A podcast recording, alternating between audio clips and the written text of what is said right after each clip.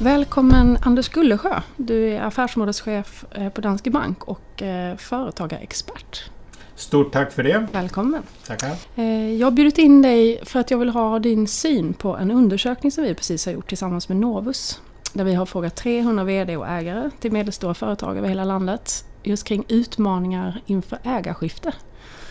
Och det som man ser i den här undersökningen i alla fall är att det är väldigt få som har börjat förbereda sig för ett ägarskifte. Det är faktiskt bara tre av tio som eh, går i de tankarna. Eh, och ägarskifte där menar vi ju kanske då, det kan ju handla om generationsskifte eller att man säljer bolaget externt eller att man gör en börsintroduktion eller så. Men det vi ser som en vanlig utmaning är just att, att man faktiskt kanske har lite för kort framförhållning för ett ägarskifte. Så att det här, det här går ju lite, vad ska man säga, stick i stäv med vartannat. Vad är din syn på det? Eh, alltså vi känner igen det här från den här undersökningen. Eh, kanske inte så, så vanligt förekommande när vi pratar om eh, en börsintroduktion för den är ju oftast väldigt väl planerad och har man en god framförhållning. Och i många fall också när man pratar om en succession inom familjen eller ett arvsskifte för det har man ju ofta planlagt under en längre period. Men när man pratar om att gå från att vara operativ och vara ett ägarskap inom sitt, sitt, för sitt bolag och man sen eh, hamnar i situationen att man fått ett erbjudande att man behöver gå externt så är det rätt vanligt faktiskt att man kommer oerhört sent då till eh, experter generellt sett och inte minst då till banken. Och då blir det lite svårare att vara en finansiell partner för våra kundföretag. Men vad skulle du säga, vad är kort framförhållning och vad är lång framförhållning? Vad är lagom? Jag tror att man det här är en väldigt stor tillgång för den som äger bolaget och driver bolaget. Och man behöver ha en lång, lång framförhållning och som svar på din fråga, man bör nog planera det här under minst fem år och absolut minst tre år, eller runt femårscykeln. Eh, mm. Och vad är det vi kan hjälpa till med som bank då under hela den tidsperiod? Eh, vi kan ju vara en sparringpartner. Ett, hur man bygger upp eh, verksamheten infrastrukturellt. Hur ska organisationen se ut? Eh, hur ska man komma ifrån att vara personberoende för den som då äger bolaget och oftast har en, tar en väldigt aktiv roll i, i företaget. Hur ska man jobba med balansräkningen, utdelningar och inte minst då, hur ska man planlägga när man genomför en försäljning. Eh, hur ska ägarstrukturen se ut? Eh, ska man ha ett holdingbolag emellan för att sen ge möjligheten för, för en 525-lösning? Så att det tar tid att bygga infrastrukturen och organisationen för ett, eh, ett bolag som, som, som sannolikt kommer att vara för försäljning. Mm. Och samtidigt, det vi ser i alla fall i den här undersökningen är ju att det är väldigt många som uppger att de tycker att deras bolag är Eh, attraktivt i ganska eller mycket stor utsträckning redan som det ser ut idag för en extern köpare. Eh, det är hela 74% som säger det. Men eh, så hur hänger det här ihop då? Ja, men det är klart, har man, ett, har man ett framgångsrikt företag och man har ett starkt resultat så, så upplever man ju, och de är också attraktiva, att, att göra ett förvärv. Samtidigt ska man ju komma ihåg att då pratar man om att en extern part tittar på bolaget. Och, och då är frågeställningen igen, hur mycket stort är personberoendet? Hur mycket behöver man eh, justera i verksamheten när man tar över det här som en extern part?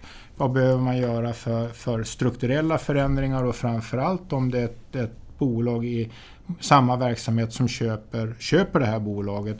Vad finns det för synergieffekter? Vad ger det för, för konsekvenser när man eh, växer?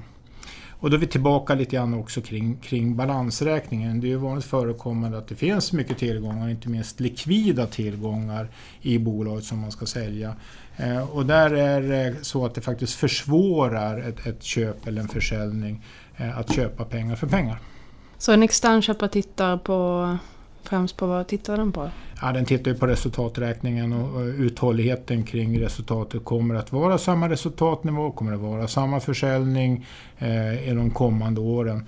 Därför att eh, tittar man också på en finansiering av, av att eh, köpa verksamheten så behöver man ju säkerställa att man får Eh, en, en intäkt, ett intäktsström och ett kassaflöde från den förvärvade eh, verksamheten. Och då behöver man ju säkerställa de delarna. Och då är vi tillbaka lite grann eh, till, till personberoendet.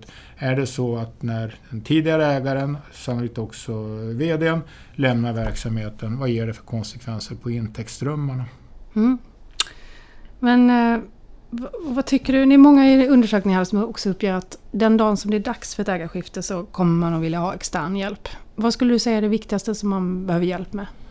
Ja, det finns en rad olika intressenter. Eh, revisorn har ju, en, har ju en central roll. Den har ju också en central roll i, i den löpande verksamheten. Eh, jag tycker också banken kan spela en, en synnerligen stor roll. Dels som att ha en second opinion men som vi tog i ingressen även titta på, på hur ska organisationen se ut? Eh, hur ska man bygga upp balansräkning då naturligtvis då i samråd då med, med revisorn. Skattejurist, skatteexpert tycker jag är underskattat. För det är klart, i slutändan så är det hur mycket får man kvar i fickan när man väl har avyttrat sitt livsverk. Och det är ju mycket känslor i det här, självklart. Då. Men till syvende och sist så är frågan, vad får jag kvar efter det att skatten är dragen? Mm.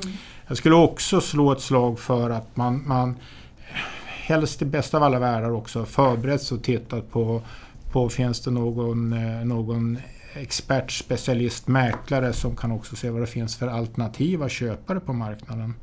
Många av de stora bolagen är ju väl genomlysta eh, och det finns många intressenter. Och det, men när man kommer lite längre ner i segmenten så behöver man säkert mera tid för att då få ut mm. varumärket och att den är till, till salu på marknaden.